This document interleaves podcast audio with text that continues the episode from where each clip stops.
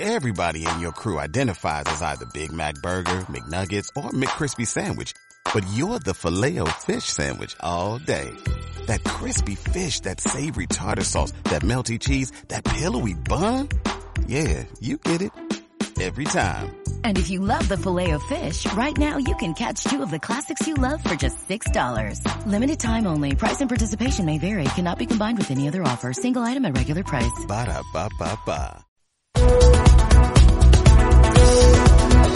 I a les 10 en punt, després d'estrenar la cúmbia de la quarantena, el que fem és tornar a les notícies de les nostres comarques del Ripollès, Osona, el Moianès i el Vallès Oriental.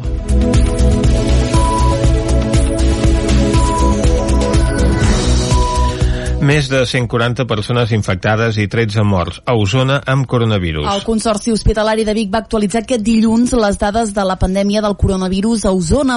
En la línia del que està passant a nivell català i espanyol, els casos de Covid-19 continuen augmentant i ja hi ha confirmats 146 casos de persones infectades, 96 pacients i 50 professionals sanitaris.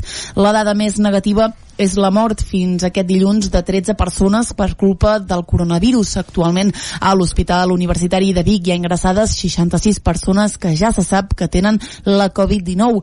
D'aquestes 13 es troben a la unitat de cures intensives i les altres 53, de les quals 16 esperen encara la confirmació en diferents unitats d'aïllament. De totes les proves realitzades, 155 han donat negatiu. L'Ajuntament confirma víctimes mortals per Covid-19 a Caldes de Montbui. Caral Campàs, dona Codinenca. L'Ajuntament ha confirmat fa uns minuts víctimes mortals per coronavirus a Caldes de Montbui, tot i que no n'ha concretat el nombre. El consistori, el consistori, a través d'un comunicat, lamenta profundament haver de confirmar les primeres defuncions, trasllada el seu condol a les famílies i es posa a la seva disposició en aquests moments de dolor. Aquestes confirmacions es donen després que ahir a la tarda l'alcalde de Caldes, Isidre Pineda, confirmés el tercer cas de contagi de coronavirus al municipi, en aquest cas a una membre del govern municipal. Ho va anunciar el mateix alcalde en un videocomunicat a través de les xarxes socials. El nou cas de contagi es tracta de la regidora d'Igualtat Àngeles Libe, que està ingressada a l'Hospital de Mollet i que, segons el comunicat, es troba estable. La mateixa regidora ha volgut transmetre a través del missatge de l'alcalde el seu agraïment pels professionals mèdics i per les mostres de suport rebudes per part de la població. A més, ha volgut traslladar la seva solidaritat amb les altres famílies calderines afectades pel virus. El consistori insisteix en la crida ferma i contundent a la població perquè extremi les mesures de prevenció emeses pel Departament de Salut i perquè respecti el confinament a domicili. El que deixem enrere ha estat un cap de setmana de controls a les carreteres i dins dels municipis per assegurar el compliment de les restriccions de mobilitat. En un d'aquests controls que els Mossos d'Esquadra van instal·lar dissabte a l'eix transversal a Sant Julià de Vilatorta van multar, per exemple, un conductor que anava a la costa a dinar a casa de la seva mare o una parella que volien a veure unes obres que havien de començar aquest dilluns a Viladrau. A Vic, durant el cap de setmana, la Guàrdia Urbana ha posat 40 sancions per desplaçaments no autoritzats. A Torelló, des de divendres, la policia local ha instruït 21 denúncies. Tot i això, Mossos i policies locals coincideixen que, en general, la ciutadania té assumit que s'ha de quedar a casa. Amb l'objectiu de facilitar la feina dels cossos policials, el Departament d'Interior ha creat un formulari perquè els ciutadans l'omplin, marcant el motiu del seu trajecte que ha entrat en vigor aquest dilluns i que és de caràcter voluntari tot i que no és de caràcter voluntari, perdoneu, tot i que recomanable. Diversos ajuntaments han anat anunciant aquests darrers dies mesures econòmiques i fiscals que busquen mitigar els efectes de la crisi del coronavirus. L'Ajuntament de Vic crearà una taula d'estudi amb empreses i sindicats per analitzar quines mesures de seguretat jurídica, de suport econòmic i d'assessorament pot donar a treballadors i a petites i mitjanes empreses en la crisi del coronavirus. També s'establirà una línia d'ajuts al comerç i el Consorci mediarà amb persones propietaris de locals comercials perquè s'avinguin a rebaixar o condonar lloguers, ho explica l'alcaldessa de Vic, Anna R per veure quina serà la millor mesura a prendre conjuntament per reactivar, un cop acabi tota aquesta crisi del coronavirus, la reactivació econòmica d'aquest sector i de la ciutat en general.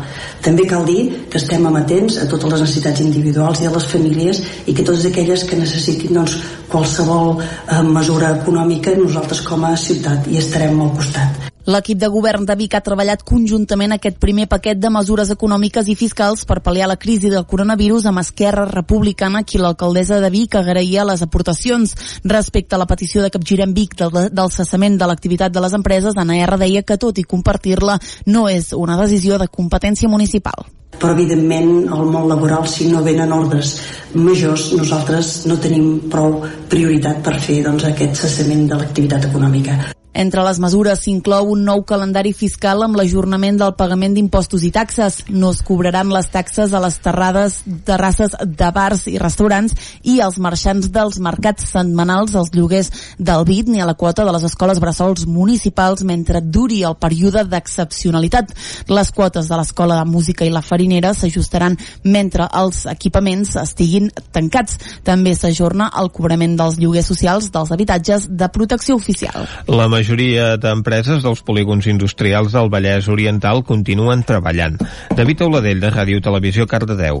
Segons l'agrupació d'industrials del Baix Vallès, les empreses de la zona han pres mesures preventives als centres de treball per adaptar-los a la nova situació. Demian Tàvia, secretari general adjunt de l'agrupació d'industrials. Compartimentar el centre de treball, per una banda, la gent d'oficines, que no tingui contacte amb la, amb la gent de fàbrica, des de les fàbriques, per exemple, si hi ha dos tons que, que no es toquin un amb l'altre, mesures com l'entrada a les empreses fer-les de maneres escalonades. Algunes empreses inclús han, han fet la temperatura eh, de, de les mateixes per si tenien eh, febre o no en tenien. És a dir, les empreses, la majoria d'elles, per no dir el 100%, han, han mm, pres les mesures suficients i adequades per, per contenir uh, la malaltia. Davant la incertesa, moltes fàbriques opten per la flexibilització per no haver d'arribar a aplicar un expedient de regulació temporal d'ocupació, un ERTO, que permet que l'empresa suspengui durant un temps limitat els contractes de tots els empleats o d'una part per causes econòmiques, tècniques, organitzatives o de producció derivades de força major. Demian Tàvia. Compensar, a lo millor,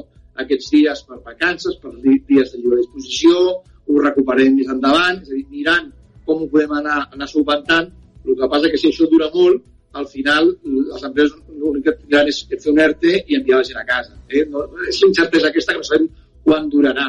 No? És a dir, el, el decret està bé que si és per força major, és a dir, que hem de veure quines empreses poden entrar força major, no totes. En canvi, empreses del sector turístic o de serveis i restauració ja han presentat ERTOs i per contra les empreses de serveis bàsics com alimentació o farmàcia estan produint més per poder cobrir les necessitats de tots els ciutadans. Diversos Sant Joanins generen contingut a través de les xarxes socials durant el confinament pel coronavirus.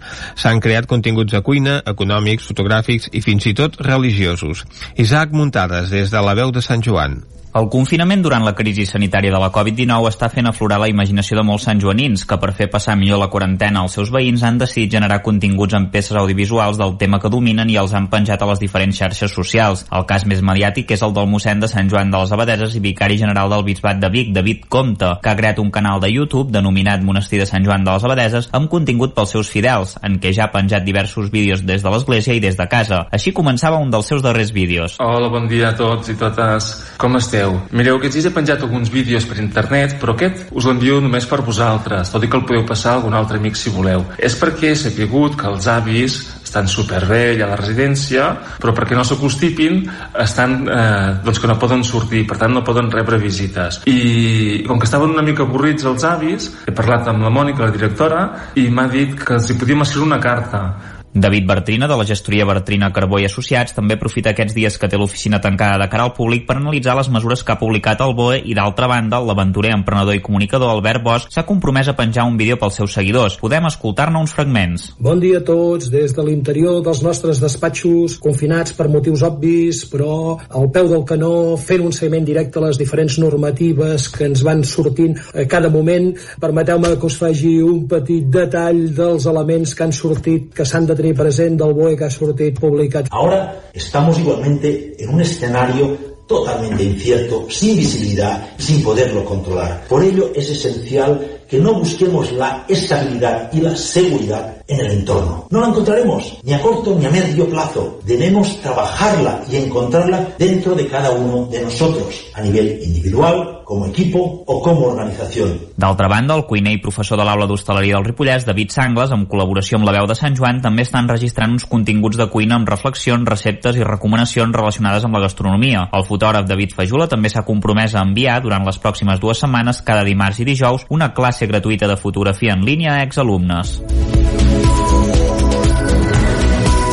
Doncs fins aquí les notícies de les 10 que hem fet amb Vicenç Vigues, Clàudia Dinarès, David Auladell, Caral Campàs i Isaac Muntades. I ara, com sempre, arriba el moment d'anar a la informació meteorològica i, evidentment, la tindrem, com sempre, de la mà del Pep Acosta.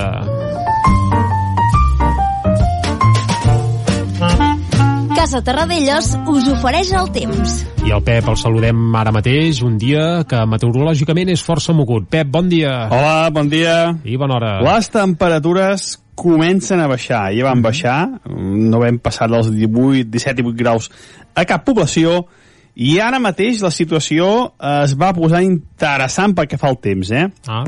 Tenim una, una onada d'aire fred siberià, com tot l'hivern no hem tingut, que sobretot està afectant a Europa. A Europa hi ha temperatures ara mateix bastant graus sota zero, unes glaçades importants, fins a França més o menys, i ens afectarà resquillada. Però atenció perquè va entrar una mica més aire fred i es nota, com us he dit, alta muntanya.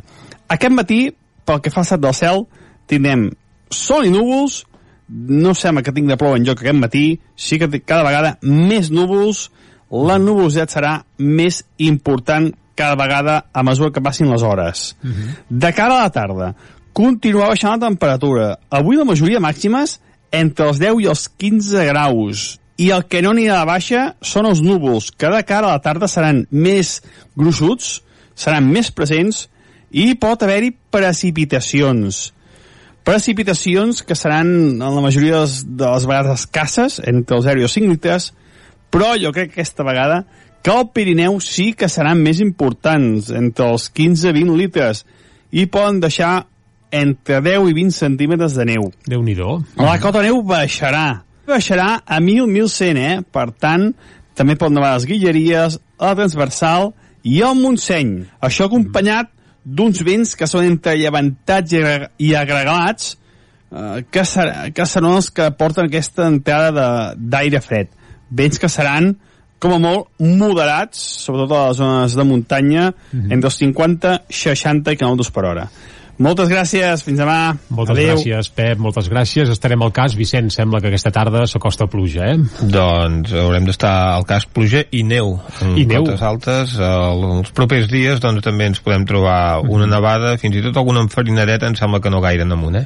Uh, home, ja ha alertat el Pep que Montseny avall i he vist per algun altre cantó apunten 700-600 metres de cara dimecres dijous. Per tant, aviam si encara tenim una enfarinada a la plana de Vic i tot. Doncs estarem a la Va, a Territori 17 ho seguirem atentament. Ara farem una molt breu pausa i tornem de seguida parlar, parlant amb Raimon Casals, gerent del Seminari de Vic. Fins ara mateix.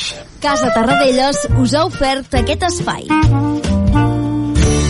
Territori 17. Envia'ns les teves notes de veu per WhatsApp al 646 079 023. 646 079 023. WhatsApp Territori 17.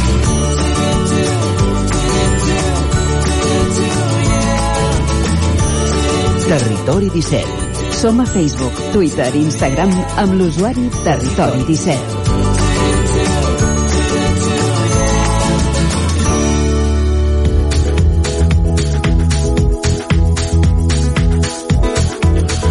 Un minut i mig per un quart d'onze. El Bisbat de Vic està oferint les seves instal·lacions per ajudar a combatre la crisi del coronavirus. En el marc d'aquestes actuacions va proposar al Consorci Hospitalari de Vic les seves instal·lacions al seminari, que estan a tocar de l'Hospital Universitari. Aquesta setmana s'hi començaran a traslladar els primers pacients per guanyar espai d'hospitalització davant de la previsió que es produeixi un pic de l'epidèmia que ja ha provocat 146 infectats i 13 morts a Osona. En parlem, doncs, de tot plegat amb Raimon Casals, el gerent del Seminari de Vic. Bon dia, Raimon. Bon dia. Bon Actual, dia. actualment el seminari ha tancat les seves activitats degut al decret d'estat d'alarma i el Bisbat doncs, ha ofert les seves instal·lacions al Consorci Hospitalari de Vic, no? Sí, el mateix dia que va sortir el decret, el dia 13, que frenava l'activitat en l'àmbit educatiu i també eh, l'endemà el dia 14 en un àmbit ja més, més general que lligava o que el decret eh, anava més lligat a la, a la restauració i als allotjaments.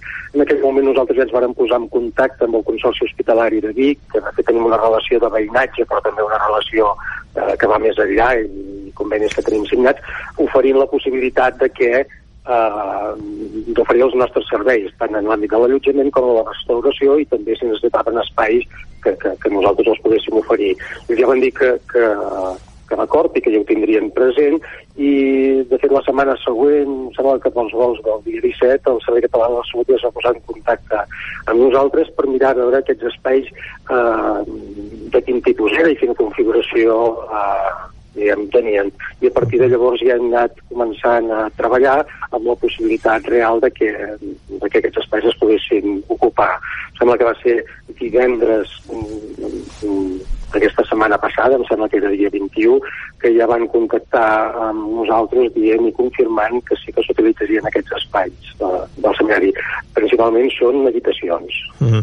Per tant, vostès es dirigeixen al Consorci Hospitalari, el Consorci Hospitalari doncs, eh, eh, transmet aquesta proposta al Servei Català de la Salut i és aquest organisme el que es posa en contacte doncs, amb els gestors del eh, seminari per autoritzar aquesta operació, doncs, ja que està buscant ampliar tot arreu la disponibilitat de llits en hospitalització. Bé sigui en alguns llocs amb hospitals de campanya, en d'altres llocs en hotels, en pavellons, vostès tenen aquestes instal·lacions, com dèiem, precisament doncs, eh, entre la clínica de Vic i l'hospital universitari. Sí, eh, nosaltres ara, de moment, tots els contactes que hem tingut, veurem a partir del moment que es posi en funcionament, però de moment han sigut amb els serveis territorials eh, de, de, del Servei Català de Salut de, uh -huh. de la delegació uh -huh. la seu que tenen a, a Manresa i el que nosaltres posem a disposició de moment són aquestes, sembla que són 16 habitacions d'una planta, més 16 d'una altra, total 32 habitacions uh -huh. eh, que, que s'utilitzarien d'ús eh, individual. Val, per tant, estem, uh -huh. estem parlant doncs, de, de 32 eh, pacients eh, hem de deixar clar que aquests pacients no, no són víctimes d'aquesta epidèmia, sinó malalts d'altres patologies doncs, que necessiten acabar-se de recuperar fins a aconseguir l'alta, no? Exacte, i, i d'aquesta manera, això és el que hem parlat amb el Servei Català, és que s'allibera espai de, de, de l'Hospital General. I, per tant, per poder centrar-se principalment a, a, a l'Hospital General de Vic eh, en tots els casos de, del coronavirus.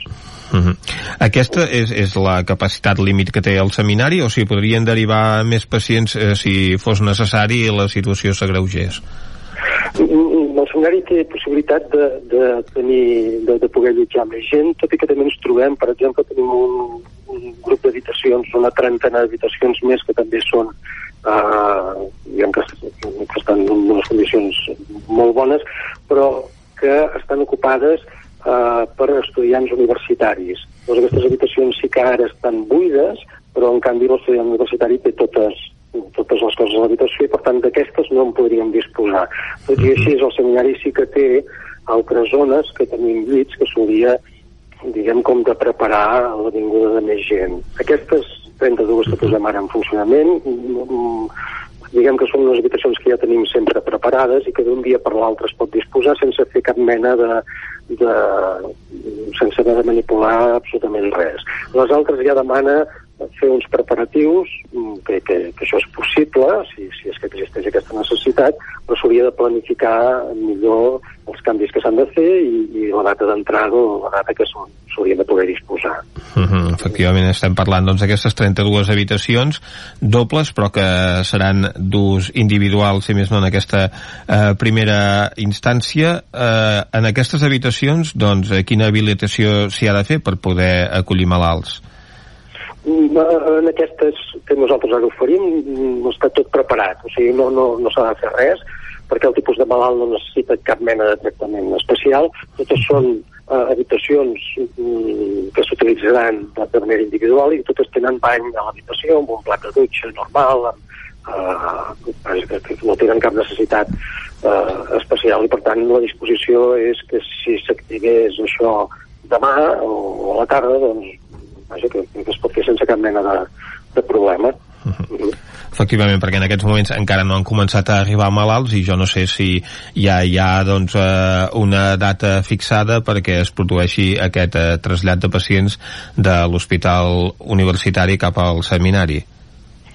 La, la, la setmana passada, el dissabte de la setmana passada, va semblar que potser això seria entre dilluns i dimarts, però dilluns d'aquesta setmana eh, ja es va veure que seria en tot cas, si és que és, cap al final d'aquesta setmana. Uh -huh. Pensem entre dijous i divendres.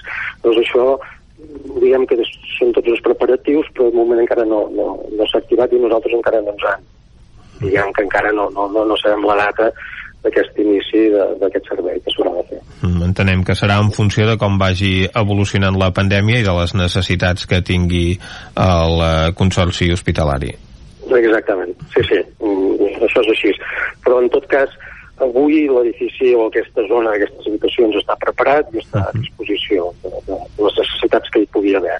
Però segurament que aquest, aquest allotjament anirà, tot i que nosaltres el contacte ara el tenim amb el Servei Català de la Salut, el coordinarà o el gestionarà el Consorci Hospitalari de Vic, entenem, eh? Uh -huh. però, però en tot cas tot, tota eh, diguem, tots els preparatius eh, el Consorci Hospitalari no, no, no hi ha intervingut. Suposo que intervindrà en el moment que, que comenci a funcionar eh, aquest servei assistencial. Mm, que es faci aquesta operació de, de trasllat. Qui, quin personal es farà càrrec d'aquests malalts? Això en, encara ho, ho estem treballant amb el, amb el departament perquè hi ha tota una part de servei de bugaderia, servei de neteja, tota la part de, de de restauració dels, dels àpats que ha de fer aquesta gent, i això ho estem acabant de mirar. Tant és possible que es faci des del seminari com que eh, ho facin les empreses que ja té contractat el Servei Català de la Salut i que donen servei en el mateix hospital general. Llavors, existeixen les dues possibilitats i estem estudiant quina seria la, la millor i que la gent quedi el màxim de, de ben atesa possible. Uh, de, de fet, el seminari um, ara ja està servint tot un seguit de, de menús uh -huh. dels menjadors socials que van tancar i en devem seguir uns 200 cada dia, entre 150 i, i, i 200, perquè també hi ha el servei de, dels menús que es donen a nivell comarcal i que això és veritat que des de, des de que hi ha hagut el decret del 13 i del 14 ha anat augmentant eh, exponencialment i, i uh -huh. nosaltres, per exemple, a nivell comarcal donàvem una quantitat de menús que ara s'ha mm, gairebé multiplicat. Uh -huh. També és el cas de que des de que s'ha tancat el menjador social de Càritas i el menjador social del Tupí eh, els menús que nosaltres servim diàriament i que es distribueix a través dels voluntaris d'aquests dos, dos menjadors eren uns menús que nosaltres no fèiem i que ara fem. I total, que, que estem fent aquests 200 menús. Això ara ja ho lligava en què existeix la possibilitat de que nosaltres puguem ampliar aquest número de menús en les persones que estiguin allotjades aquí a, a l'edifici. Però tot i així encara està per veure si aquest servei es donarà des del seminari o se'n cuidarà directament al Servei Català de la Salut, amb les empreses eh, contractades uh -huh. que ja té, eh? Uh, perquè ja que parlàvem doncs, d'aquesta doncs, distribució de menús socials que ara mateix s'està fent des del, del seminari, crec doncs, que també hi ha la, la intenció d'oferir-ne a la població en general a un preu reduït, a un preu de cost, doncs, perquè aquests dies de confinament els puguin passar de la millor manera possible, no? Sí, d'això s'està s'està parlant, quasi, quasi tota l'estructura està feta, tot i que encara no s'ha posat en marxa per unes dificultats que han sortit a, a última hora, però, però sí que és possible, o, o sigui, hi pot posar el servei un menú a un preu baix, estem parlant que, que és un menú que estaria per sota dels, dels 4 euros, de 3 i, i pico, uh -huh. que seria per, per tota la població en general. I que això és un primer plat, un segon plat i unes, i unes postres, uh -huh. i que es pot escollir de, de, de dos menús. Uh, les dificultats és que, de fet, la gent pot fer la gestió d'aquest menú a través d'una pàgina web o ho podrà fer a través d'una pàgina web i la qüestió és de com es distribuirà això perquè Uh, de fet s'està parlant de que la gent no surti de casa i, i nosaltres el que no, no veiem clar que és oferir un servei que provoca que la gent hagi de venir a recollir aquí. Per -huh. tant, hem de veure com es resol això, les possibilitats de que es pugui fer, sí que hi són, es tracta de veure si s'acabarà posant en funcionament o no, o si som capaços de resoldre eh, sé, aquestes dificultats que, que, que veiem que encara hi ha. Mm, perquè es podria plantejar no, la possibilitat també de, de portar-lo a domicili, que crec que és una de les hipòtesis que s'havien estudiat. Sí, sí, sí. Sí, sí, això, això uh -huh. és així. L'única cosa que s'hauria de veure aquest portar a domicili si és per tothom o si és per les persones eh, més vulnerables, més necessitades, amb, amb dificultats per, per, per poder sortir a fer la compra o, o anar a buscar el menjar. S'haurà de veure eh, fins, fins on abarca aquest, aquest menú. I tot això n'estem parlant amb l'Ajuntament, amb, amb la regidoria de, de Benestar i Família, i anem veient a veure una mica cap a on, no sé, cap a quin col·lectiu es podrà donar aquest, aquest servei. No, no, no, no està definit i pensem que entre avui i demà potser ho deixarem embastat ja. Perquè em penso que, que s'ha fet també una, una campanya de crida de voluntaris des de l'Hospitalitat de Lourdes per atendre aquestes necessitats que presenta ara el seminari. Sí, tot, tot i així, eh, aquesta crida de voluntaris nosaltres no, no, no n'estàvem al cas i tampoc no sabem exactament per què es demanen, però en principi no, no, encara no sabem les necessitats que, haurà a l'edifici. Uh -huh. uh, S'ha fet aquesta, aquesta crida de voluntaris amb, amb bona intenció, per suposadíssim, però uh, diguem que s'haurà de veure quines són les necessitats, si és que hi ha aquestes necessitats. El que sí és veritat és que um, sé, per la gent que ho ha, que ho ha promogut, que han tingut una resposta eh, espectacular i per tant que tenen un gruix de voluntaris considerable potser el tema ara serà veure eh, quina feina han de fer i si és que l'han de fer dins del seminari o són altres serveis i necessitats que pugui tenir a la ciutat. Mm -hmm. Però en principi el seminari no, no, no estem plantejant que s'hagi de fer cap, cap voluntariat en l'atenció d'aquestes eh, 32 persones eh, d'aquests llits que nosaltres posem a disposició. Mm, perquè precisament doncs, ara fa uns dies que el seminari va presentar un expedient de regulació temporal d'ocupació que afecta 3 de cada 4 treballadors. No sé si ara amb aquestes doncs, eh, noves activitats doncs, es revertirà en part aquesta operació. De, de, de fet, eh, nosaltres podem tibar a, a de, de gent que nosaltres està posat en aquesta que podem anar activant contínuament gent i, i, i per tant aquesta possibilitat sí que existeix. Eh? Hi ha un, un grup important, que es diria que és un 75% de la, de la plantilla que ha anat a parar d'aquesta ERTO i nosaltres d'aquestes 75 persones, més o menys, podem anar, anar diguem, anar-ne creient de l'ERTO, anar-la estimant i, i uh -huh. a, a l'activitat normal. És veritat que una part important d'aquestes persones que es diria que una cinquantena són monitors de menjadors escolars. Se'ns acaba el temps, eh, Raimon, hem de fer la pausa de publicitat. Moltes gràcies per atendre'ns. Bon dia. El 9 FM. Evitar el contagi del coronavirus és a les mans de tots. Per contenir-ne la propagació, és molt important quedar-se a casa i respectar les mesures d'higiene. Mantingues les distàncies també a casa. Per més informació, consulta a canalsalut.gencat.cat barra coronavirus.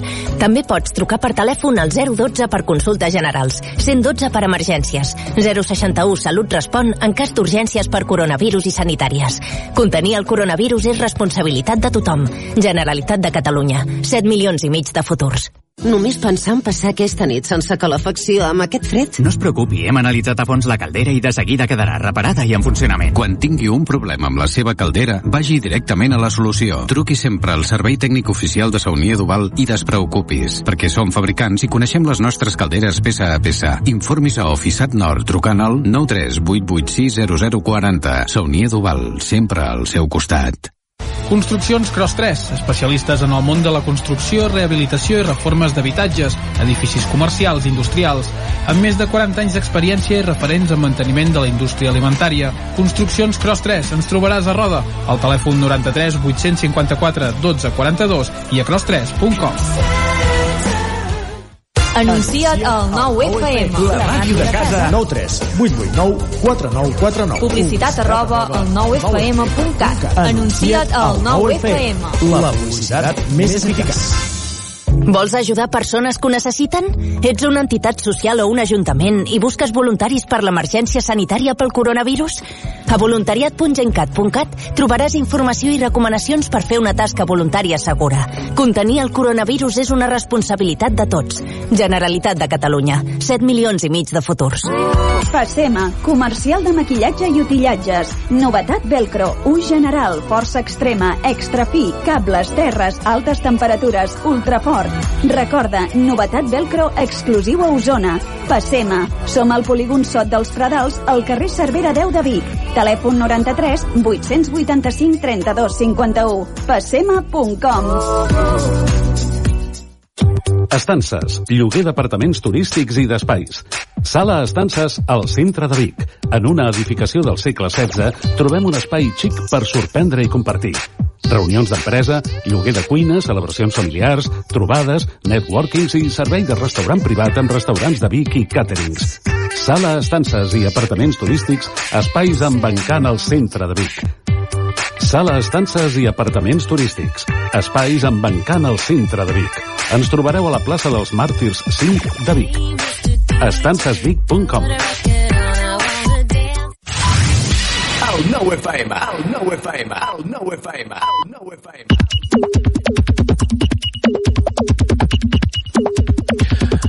Dos quarts eh, d'onze, Isaac Moreno, bon dia. Bon dia, Vicenç Vigues. Doncs explica'ns. explica'ns què, què diu la gent des del confinament. Per exemple, a l'Eusòria Rastapalo, de nom Atòmica, diu, m'acaben de trucar els de TV3 per fer un Skype i he hagut de dir que no perquè no tinc prou llibres a l'estanteria. Perquè els llegeix digitalment. Ella mateixa feia una pilada dues hores abans. Diu, soc l'única que es fixa més en els objectes de l'habitació que no pas en el que diuen els que fan videotrucades per la tele? Doncs no, ja li dic jo que no és pas l'única. Xavi Verdolet diu una idea, Renfe, si totes les línies estan ocupades, no seria, en aquest cas estem parlant de línies telefòniques, Sí. sí. encara que parlem de Renfe, mm -hmm. diu si totes les línies estan ocupades, no seria millor dir-ho d'entrada i no al cap de dos minuts d'anar picant un 1 o un 2 i sentir missatges que ara venim i que ara et gravem i que tranquil que no hi ha límit per recuperar els bitllets anul·lats pel coronavirus? Un bon embolic aquest també de recuperar els bitllets a la gent doncs, que els havia adquirit i que ara no faran el seu desplaçament. Cristina Herrera, des de GURB, es fa ressò d'una piulada del de, gran diputat socialista José Zaragoza. Diu, abandone su nacionalismo mezquiño, señor Torra. Pida ayuda al ejército de todos los españoles. Construya hospitales de campaña como en Valencia. El enemigo es el coronavirus. No hay más patria que la humanidad herida. Etiqueta, este virus lo paramos unidos. I la Herrera que diu, pida ayuda al ejército de los españoles. Voleu dir que no estan filmant una pel·li tipus el show de Truman? En Jordi Puig i Martín es continua fixant amb els ocells que veu des del confinament. Avui apunta Gavià Argentat, Pardal Comú, Tortura Turca, Garça, Mallarenga Blava, Estornell, Mallarenga Carbonera, Gafarró, Uraneta Vulgar, la primera de la temporada. Parets del Vallès, 23 de març, Sant Oriol. Etiqueta Bixit Confinament. Això és un festival. D'ocells. La Maria Balasc, ahir violava d'Esquerra de Vic, no, no oblido que avui fa dos anys que la injustícia ens va separar i no, avui no tinc paraules maques que em surten del cor perquè no existeixen. Converteix una imatge de la mateixa Balasc amb Marta Rovira. Respost la Sílvia Mur des del Moianès, també d'Esquerra, una abraçada a totes dues. Ja que parlem d'una regidora de l'Ajuntament de Vic, piolada de l'Ajuntament de Vic, d'ahir, Vic acolli- acollirà una campanya especial de donació de sang els dies 25, 26 i 27 de març. Es farà al Centre Cívic de Camp Raba i els donants cal que reservin hora des del web donarsang.gencat barra Vic. Responen regidors de l'Ajuntament, com en Roger Mas d'Esquerra, ja tinc hora, en aquests moments és el més important que mai fer tot el que sigui, és més important que mai fer tot el que sigui als nostres mans per col·laborar. Som-hi. Hola, Bet Piella, de Junts per Catalunya. Jo ja tinc hora en aquests moments tan difícils. És important ser més solidaris i solidàries que mai. Ja que estem en capítol de regidors de l'Ajuntament de Vic, encara no ho és, però en serà, quan hi hagi canvis a Capgirem Vic, Marc Camacho diu, soc l'únic que no, això ho pilava la nit, soc l'únic que no té pèls a la llengua en acusar el nòvio de la Montse Careta? Estava mirant crims. I l'Arnau Tordera deia, alguna, alguna té una versió reveladora sobre els fets? Preguntes que queden en l'aire. Acabem amb poesia. Francesc Mateu, des de Centelles, el cirerer floreix perquè és primavera i no entén de confinaments. El que ara són flors blanques sobre branques nues seran cireres vermelles que moltes fulles amagaran. Ningú imaginaria que una flor pot convertir-se en una cirera. Surt el sol, no hi ha gaire bé núvols. Etiqueta, bon dia. Molt bé, doncs després... Llàstima que estigui tan mal llegida aquesta poesia, ostres. Home, costa llegir-la des de Twitter perquè els versos a vegades no coincideixen amb l'exposició de les frases. Anem ara a veure les portades del 99.cat.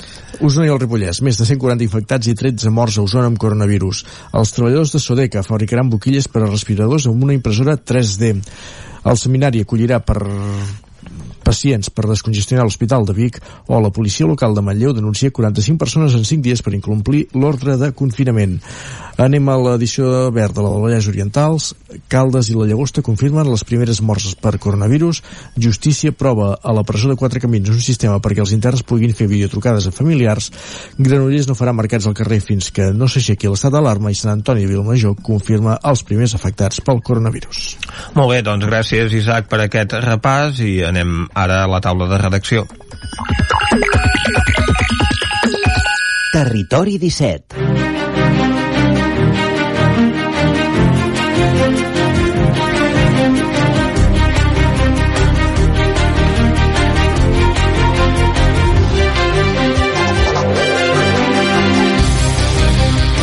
Doncs avui a la taula de redacció comptarem amb l'Isaac Muntades i amb en Guillem Rico.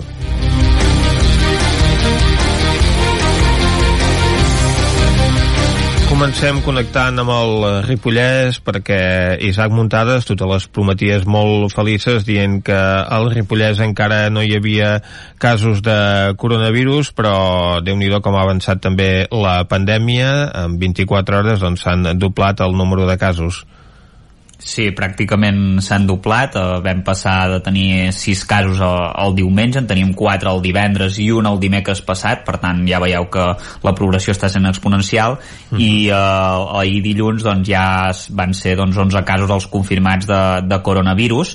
S'ha de dir que d'aquests 11 casos, eh, 9 estan al Ripollès i dos ara mateix ja no estan al Ripollès, és a dir, hi ha dues persones Mhm. doncs, que per al seu estat de salut, com que estaven més greus i eh, per el que va explicar el doctor René tenien alguna, algun tipus de, de patologia prèvia eh, respiratòria doncs eh, van, es van decidir doncs, que es traslladessin doncs, a la UCI, a la unitat de cures intensives eh, de Girona, de l'Hospital Mhm. Doctor Trueta, perquè allà doncs, pa- poguessin estar eh, més atesos. Ara mateix per, El doctor per Graner, una- perdona, perdona sí, Isaac, el doctor Graner, que és el gerent de l'hospital és el de gerent de l'hospital exacte i al qual li hem d'agrair la seva transparència en informar del que està passant amb aquesta pandèmia a la comarca.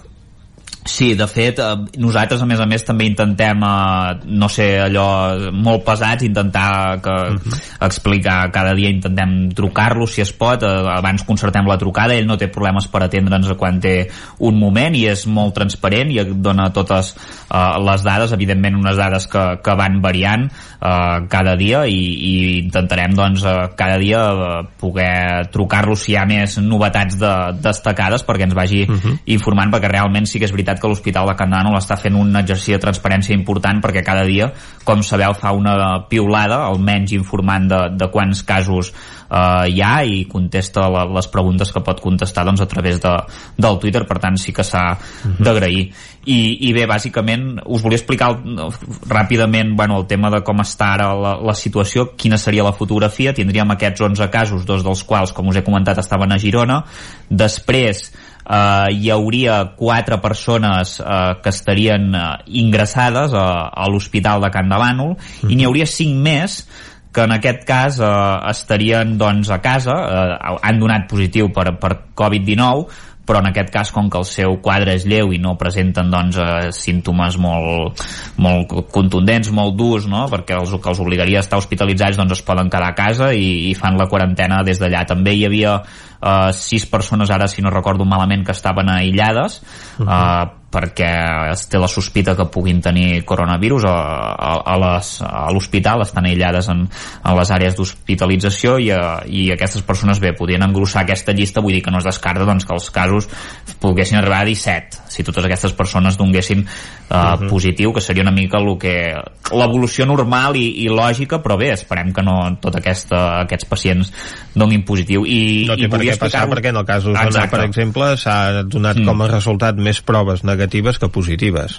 Exacte, afortunadament. exacte afortunadament, vull dir que en principi tampoc eh, s'hauria de, de produir Can de Bànol. El que sí que és cert és que Can de Bànol, doncs, a diferència del- de l'Hospital de Vic, té menys eh, capacitat doncs, per, per uh, encabir doncs, els pacients i, i, i for, uh, agafar zones de l'hospital per, per aïllament, encara, en- encara en té, el doctor Graner va, va recalcar que encara en té, per tant, uh, de moment, uh, tot i que ell va, va admetre que no s'esperaven la pujada aquesta i que l'esperaven més de cara a avui o demà, si, però se la van trobar ahir, de totes maneres s'han anticipat una mica i estan buscant doncs, a veure si poden trobar algun lloc fora de l'hospital per, a, per encabir doncs, els pacients més lleus que no calgués, que, que, que han d'estar aïllats però que no calgués que estiguessin hospitalitzats. I ja han demanat en alguns hotels eh, suposem que la sèquia Molinar seria un d'aquests hotels perquè és el que hi ha doncs, eh, més a prop. També s'ha barallat doncs, de veure com es podria veure si es, si es podrien agafar les instal·lacions de, de l'antiga escola que queden pràcticament just davant de l'hospital a, a 50 metres de l'hospital hi ha les antigues escoles el que passa que evidentment això s'hauria d'habilitar perquè no està eh, en condicions, ara fa molt temps que no s'hi entra i s'hauria de netejar suposo bastant a fons però, però bé, estan buscant alternatives. Veurem com avança, us anirem explicant com avança i, i si eh, comencen a estar més desbordats o la cosa es pot estabilitzar una mica, que és el, el que desitgem. Bé, una mica com el cas que ha fet el Consorci Hospitalari de Vic amb el Setminari que està doncs, a, al costat de l'Hospital Universitari i que a partir d'aquesta setmana, com ara mateix en parlàvem, doncs, acollirà pacients de l'hospital, en aquest cas pacients que s'estan recuperant doncs, eh, d'altres eh, dolències que necessiten encara uns dies per obtenir l'alta hospitalària, per tant no estaríem parlant de pacients afectats a coronavirus. No sé si aquest seria el cas de l'Hospital de Can de Bànol, si aquests eh, llocs que s'estan buscant per poder ampliar la capacitat serien directament per casos diagnosticats Sí. de coronavirus o seria per altres tipus de pacients que necessiten encara uns dies de tractament abans d'aconseguir l'alta afectats doncs, per altres tipus de malalties. Sí, pel que va dir el doctor Granés seria més aviat per persones que haguessin donat positiu per coronavirus però que tinguessin doncs, uns símptomes lleus, és a dir, que no requerís una hospitalització, persones que haguessin d'estar aïllades, no? en, aquest, en aquest sentit, per, per posar-les allà. Uh, també persones, evidentment, que fossin sospitoses de, de tenir coronavirus. De moment, no, no, hem, no, no li hem preguntat al doctor Granés si es, es plantegen ficar-hi altra gent doncs, que acabi de, de recuperar-se. És una bona pregunta per formular-li doncs, Mm. el proper cop que hi, que hi parlem. per, Exacte, per si faran el mateix I- que fan a Vic o, Sí. o faran com fan en altres llocs doncs, que hospitalitzen a pacients Sí. greus de coronavirus. Exacte. En principi és per a pacients lleus de coronavirus, pel que ens va dir. Si hi ha novetats, evidentment, doncs, eh, us informarem uh, immediatament. Exacte, ho anirem seguint. Esperem que no s'hagin d'utilitzar aquests, expa, aquests espais doncs, extraordinaris, però que est està bé que en tot cas es preveguin tots els escenaris sí. possibles. Gràcies, mm -hmm. Isaac. Uh, continuem Vosaltres. parlant d'aquesta pandèmia ara amb en Guillem Rico. En Guillem ens parlarà de com viuen l'actual situació de confinament doncs, uh, malalts de diabetis de tipus 2, no, que és la diabetis dels adults, Guillem, uh -huh. de gent que necessita dur a terme una activitat física perquè no són, no són pacients que hagin doncs, d'administrar-se necessàriament insulina.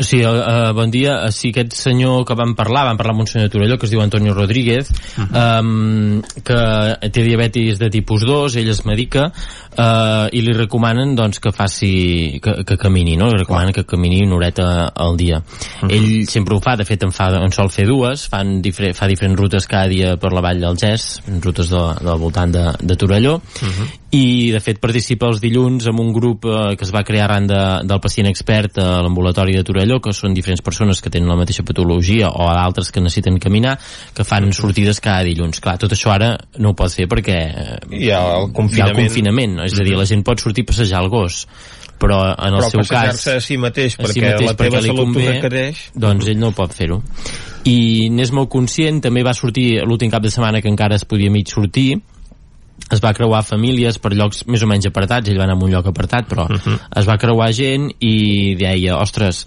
eh, mm, això no es pot fer perquè si tots sortim igualment encara que sigui lluny doncs encara que sigui en llocs apartats o això ens trobem eh, pel camí ens trobem, eh, deia que hi havia molta gent i va decidir que, que s'havia tancat a casa que era el que s'ha de fer perquè no s'escampi més el, el coronavirus llavors uh -huh. ell ha buscat alternatives eh, ell té 67 anys Uh, i a part de diabetis uh, també té problemes al cor i de fet porta un estent d'aquests uh, aquí al cor per, perquè uh -huh. van tenir les venes obstruïdes etc etc i també per això també li va bé aquest, fer aquest exercici i ha buscat alternatives quines? doncs ell viu en una casa des de des de l'estudi de la planta de més amunt a la bodega de la planta de més avall i té 71 esglaons uh -huh. i què fa? doncs pujar i baixar esglaons uh -huh. amunt i avall uh, 10 vegades ho fa 10 vegades, uh, per tant fa 710 esglaons uh -huh. i, i ho fa a diferents ritmes i és un,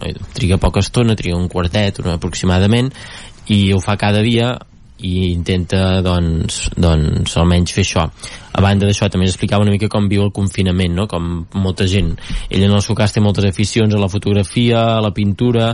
De fet ja des que està prejubilat ja dedicava més temps a aquestes coses. I ara que des que està jubilat doncs encara més però ara ha hagut de canviar aquesta rutina d'anar a caminar per això. Uh, ens ensenyava també algunes pintures que, que havia fet uh, també escriu poemes, també llegeix per tant en aquest cas deia que no, que no s'avorreix i, i també ens ensenyava un paquet de tabac que guarda des de l'any 2016 quan va deixar de fumar eh, que deia encara el tinc aquí el tenia sencer, devia faltar un parell o tres de cigarretes uh -huh. i ens l'ensenyava allò orgullós de dir, doncs és que m'han dit això del cor he deixat de fumar i mireu, tinc el paquet de tabac aquí que, que no, que no n'he tocat mai més cap i uh -huh. també no, com i tenint-lo allà, que seria fàcil de, de, de caure, de caure i, i això, uh -huh. i per tant denunciava una mica el fet aquest de dir que la gent es quedin a casa perquè -huh. si no això s'allargarà encara més i si em quedo jo que hauria de sortir per la meva salut eh, -huh. doncs feu cas i, i no feu tonteries i no sortiu al carrer quan si no és un motiu justificat. Ara no tothom té una casa que et permeti doncs, anar pujant i baixant graons tot el dia perquè si vius en un edifici comunitari precisament incrementes el risc d'anar-te trobant els veïns també a la doncs, porta, llavors has de fer passadís amunt passadís avall això sí. Doncs sí. La veritat és que la situació és complicada per la majoria de famílies, però sobretot per aquestes persones que per motius de salut doncs, no poden estar confinats a casa sense fer cap mena d'activitat.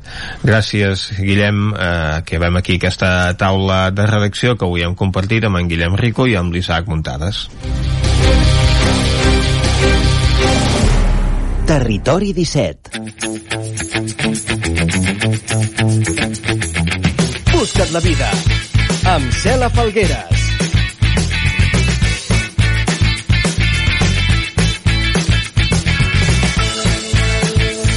I ara, com fem tots els dimarts, més o menys cap a aquesta hora, tres quarts d'onze i un minut són ara mateix del matí, el que farem és anar cap al Busca't la Vida amb la Txela Falgueres. Això sí, avui un Busca't la Vida en format enllaunat, fet des del confinament. Per tant, serà eh, això, un Busca't la Vida especial amb la Txela Falgueres, per això això sí que no, no, no falla. Per tant, capbussem-nos en aquest Busca't la Vida especial coronavirus, especial confinament. Busca't la vida amb Cela Falgueres. Bon dia en una nova edició enllaunada de Busca la Vida. Fa uns dies, a la meva bústia d'entrada al correu electrònic hi havia un missatge que llegia Educació des de casa, diari col·laboratiu per a estudiants confinats. I, evidentment, vaig dir, he de parlar amb aquesta gent. I així va ser com vaig contactar amb l'Ada Sanui i la Lali Bueno, que són coordinadores del projecte RED, a qui hem entrevistat i que ens expliquen com funciona aquest diari col·laboratiu. Som-hi! Moltes gràcies, Ada Sanui i l'Ali Bueno de la revista Escolar Digital, que aprofitant que ja teniu un projecte una mica més gran i en la situació en què ens trobem, heu decidit eh, obrir una iniciativa perquè tots els alumnes que ho desitgin puguin explicar el seu diari del confinament. Evidentment no se'n dirà així, però una mica és aquesta idea. Ens voleu explicar què feu i com, com esteu gestionant tot això? Sí, doncs bé, nosaltres ja disposàvem d'una xarxa de centres, de 37 centres, en la qual cada, cada centre tenia la seva pròpia redacció i eren els alumnes qui es convertien en protagonistes i eren els periodistes que gestionaven i editaven la seva pròpia revista. I ara mateix, eh, vist una mica les circumstàncies, vam pensar que seria bona idea ampliar-ho i ampliar-ho de forma general a tots aquells centres que tinguessin alumnat interessat en formar part d'aquest projecte. Uh, gràcies, Lali. Ara, explica'm una miqueta com, com heu fet? Perquè, clar, vosaltres normalment teniu les vostres xarxes de contactes, ara esteu teletreballant. Com heu fet perquè en un període tan curt de temps pugueu fer arribar aquesta informació perquè ja hi hagi alumnes que puguin fer servir? La veritat és que vam treballar a contrarrellotge sí que és cert que nosaltres dues sempre treballem físicament a la redacció de, de la revista Escolar Digital i treballem amb el suport d'un grup d'editors que també gestionen uh, la resta dels de, 37 centres que portem habitualment perquè és un volum de feina, no només la coordinació, sinó també l'atenció personalitzada, doncs que clar, nosaltres dues soles no podem gestionar aquest volum de feina i estem acostumades a tenir una mena de teletreball um, amb aquest altre equip. Per tant, aquesta part de feina, malgrat el confinament, ens ha sigut, ens ha sigut fàcil poder-la gestionar. I en el dia en què la Generalitat va anunciar que s'aturava l'activitat escolar i que tothom havia d'estar a casa, eh, vam fer un pla de teletreball per als centres que ja estaven actius i el vam enviar de seguida. O sigui, si el dijous anunciaven el confinament, el divendres els centres ja havien rebut aquest pla adaptat a les circumstàncies, fent molt d'èmfasi al material que els companys de Junior Report havien preparat perquè els centres educatius puguin disposar de forma gratuïta de tot aquest uh, material didàctic per poder-lo gestionar i treballar ells mateixos. Quanta gent s'ha apuntat? Ja heu pogut mesurar quantes noves escoles tothom des de la distància està organitzant per afegir-se en aquest diari col·laboratiu del confinament? Sí, de moment hem tingut bastantes descàrregues de material pedagògic, aquest que comentava l'Ada, i crec que rondem entre els primers dies, som uns 30, pot ser, i el que ens ha resultat curiós és que hem tingut respostes d'Argentina, Perú, de, de tot l'estat, vull dir, al final és, està sent un, un feedback molt positiu, no? Veure que alumnes d'arreu estan interessats en, en explicar l'actualitat i ser els protagonistes. Pels que no sàpiguen com funciona Junior Report, crec que cada institut té el seu diari escolar, diguem-ne, fet amb l'eina i amb el suport de Junior Report. Però aquest diari col·laboratiu està en un altre lloc que segueix la mateixa dinàmica. És a dir, si jo vull llegir articles que han escrit aquests alumnes que ja estan participant activament, ho puc trobar en un sol lloc, hauria d'anar a l'escola tal i veure el diari d'aquesta escola, com hauria de fer jo? Tenim la pàgina web que és Inforet, que allà hi ha tot el directori de tots els centres amb la seva capçalera i publiquen la informació seguint un pla de treball mensual que els hi facilitem. Els millors articles els publiquem en una capçalera comuna que és red.junior-report.media i és allà on els nous centres que, que comencin a interessar-se per aquesta nova iniciativa que hem impulsat de forma gratuïta, oberta a tothom, doncs aniran publicats allà i allà es podran consultar també. Lali, has llegit algun d'aquests articles? Quina és la teva conclusió del que què s'està escrivint? Com, com ho veuen els, els nostres, les generacions més joves, aquesta experiència? Que no sé si hauríem de dir experiència o què. No ho dic en plan de riure'm, eh? Però vull no, dir com, no. com, com s'està vivint això? Què, què estan Exacte. escrivint? Doncs mira, tenim algun cas curiós. Sí que és veritat que en general el que hem vist és que fa unes setmanes es tractava el tema molt des de la distància, no? Doncs hi ha alguna cosa que està passant a Xina, a Itàlia, i veient una mica com ha anat avançant tot, hem vist que al final s'han endut el, els casos i, i la manera d'escriure des d'una des d'una proximitat no? que ja ha arribat i ha canviat el to també. Primer es feia d'un fent en notícies molt, molt neutres, diguéssim, no feien articles d'opinió i ara ja es mullen una mica més i veuen que, que ha arribat, no? També tenim un cas curiós que tenim uns alumnes que abans que passés tot això, fa cosa d'un mes, van entrevistar l'Oriol Mitjà. Oh, I el van entrevistar uh, per un altre cas, per una altra malaltia infecciosa, i llavors al final bueno, ens va fer gràcia que, que mira, que a vegades els nostres redactors van per un pas per endavant, veiem. No, uh, també comentar això, que ara també es sumen molt a les iniciatives de jo em quedo a casa, no?, i maneres de poder passar aquest confinament una mica millor. Ada, què ha de fer si eh, algun dels nostres oients està en contacte amb una escola, li agrada la idea, què haurien de fer perquè puguin rebre aquest material, perquè puguin començar a activar aquest diari pel seu alumnat o un grup d'usuaris que vulgui, no? Suposo que també un grup d'amics que vulguin crear el seu propi diari ho tindríeu disponible perquè poguessin fer experiència compartida en un poble, per exemple? Uh, hauríem d'anar a Junior Report a la part de botiga hi ha l'opció de que puguin descarregar-se eh, el PDF amb tota la informació del material i a partir d'aquesta descàrrega els nostres companys es posarien en, en contacte amb ells per fer-los saber doncs, com funciona i quina és la, la dinàmica. Llavors, um, si són un grup de persones interessades, escriuen els articles, ens els envien a nosaltres i nosaltres llavors els publicarem a, a Red Report, que és la capçalera comuna per, per tothom. Què, què penseu que passarà amb aquest diari col·laboratiu eh, quan ho mirem a, a Toro Passado? Què us agradaria veure en el futur? De dir, mireu, allò fa 10 anys que va passar, hem, hem recollit això, què us agradaria? Doncs, home, nosaltres tenim una visió positiva i creiem que hi participaran molts alumnes perquè al final no, estan a casa i també volen formar part de, de l'actualitat del moment i personalment penso que el que és molt enriquidor és que puguin fer un treball conjunt, no? que amb xarxa, que vegin que estem vivint una situació excepcional i ho estem vivint aquí, a Madrid, a Castelló i, bueno, encara estaran situacions diferents, però també des del Perú i Argentina, no? I el poder fer una, una feina conjunta i poder treballar en equip i poder recollir una visió des de tants punts de, des dels punts de vista diferents i tan importants com són els joves, doncs no sé, jo penso que és una molt bona idea i que d'aquí uns anys estarem contentes de llegir quan tot hagi passat.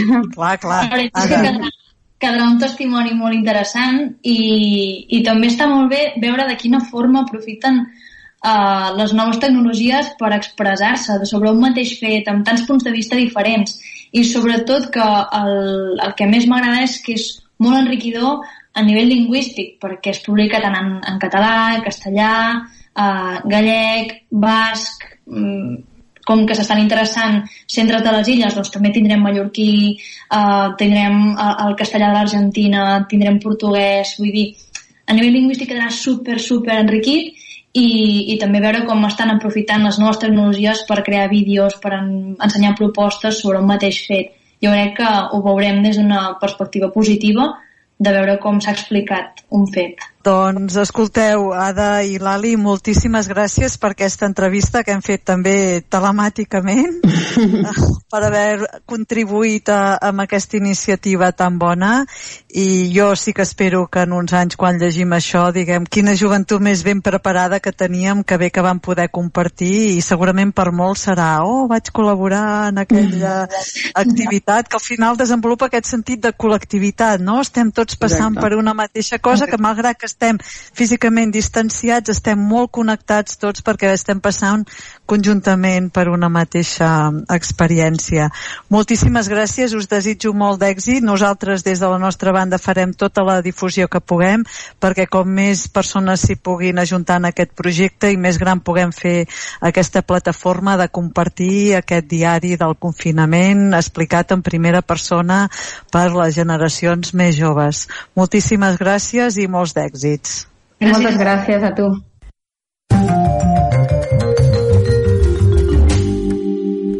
L'app d'aquesta setmana es diu GroovePad Música i Ritmes. És una app gratuïta per a Android i iOS i et permetrà convertir-te en un autèntic DJ. Escolteu aquesta música? Doncs sí, aquesta mateixa sóc jo que he creat aquestes, no sé si dir-ne sintonies, com dir-ne. El que diu aquesta aplicació és que permet fer rimes que t'ensenyarà a crear les teves pròpies cançons i reproduir diferents pistes de música. Senzillament tria els teus gèneres preferits i pitja els pads per fer rimes i crear música. Experimenta, barreja estils, crea melodies increïbles i domina les teves habilitats de creador de ritmes en GroovePad. El Google Play té una puntuació de 4,7 en gairebé 600.000 valoracions i dins de l'aplicació es poden comprar elements.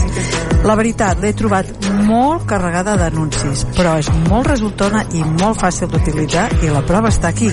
La meva nota, un 3 de 5. Sense anuncis, pujaria i molt.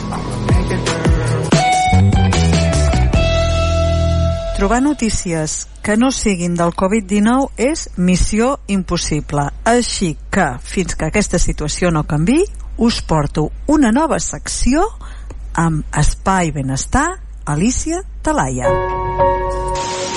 El pensament d'avui és quin diàleg intern teniu aquests dies amb vosaltres?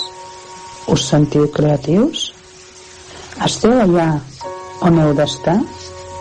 O podeu fer canvis a la tornada? Estem treballant el dol amb el nostre antic jo? Com li donarem la benvinguda al nostre jo quan tot això s'acabi? Esteu confiats aquests dies en el vostre interior? Esteu centrats en la pau i en l'harmonia? I sobretot, m'agradaria que recordéssiu que el poder està en el vostre cor, no a fora.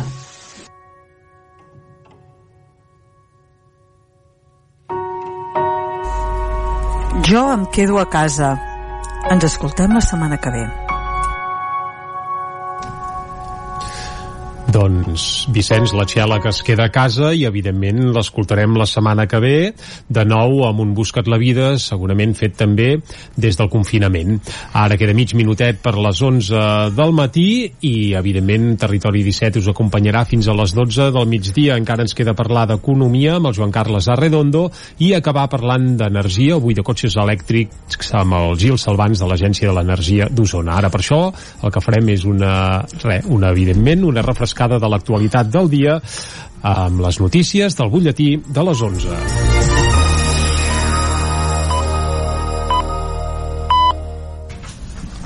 Són les 11. Territori 17, amb Vicenç Vigues i Jordi Sunyer. Join us today during the Jeep Celebration event. Right now, get 20% below MSRP for an average of 15178 under MSRP on the purchase of a 2023 Jeep Grand Cherokee Overland 4xE or Summit 4xE. Not compatible with lease offers or with any other consumer incentive offers. 15,178 average based on 20% below average MSRP from all 2023 Grand Cherokee Overland 4xE and Summit 4xE models in dealer stock. Residency restrictions apply. Take retail delivery from dealer stock by 4-1. Jeep is a registered trademark.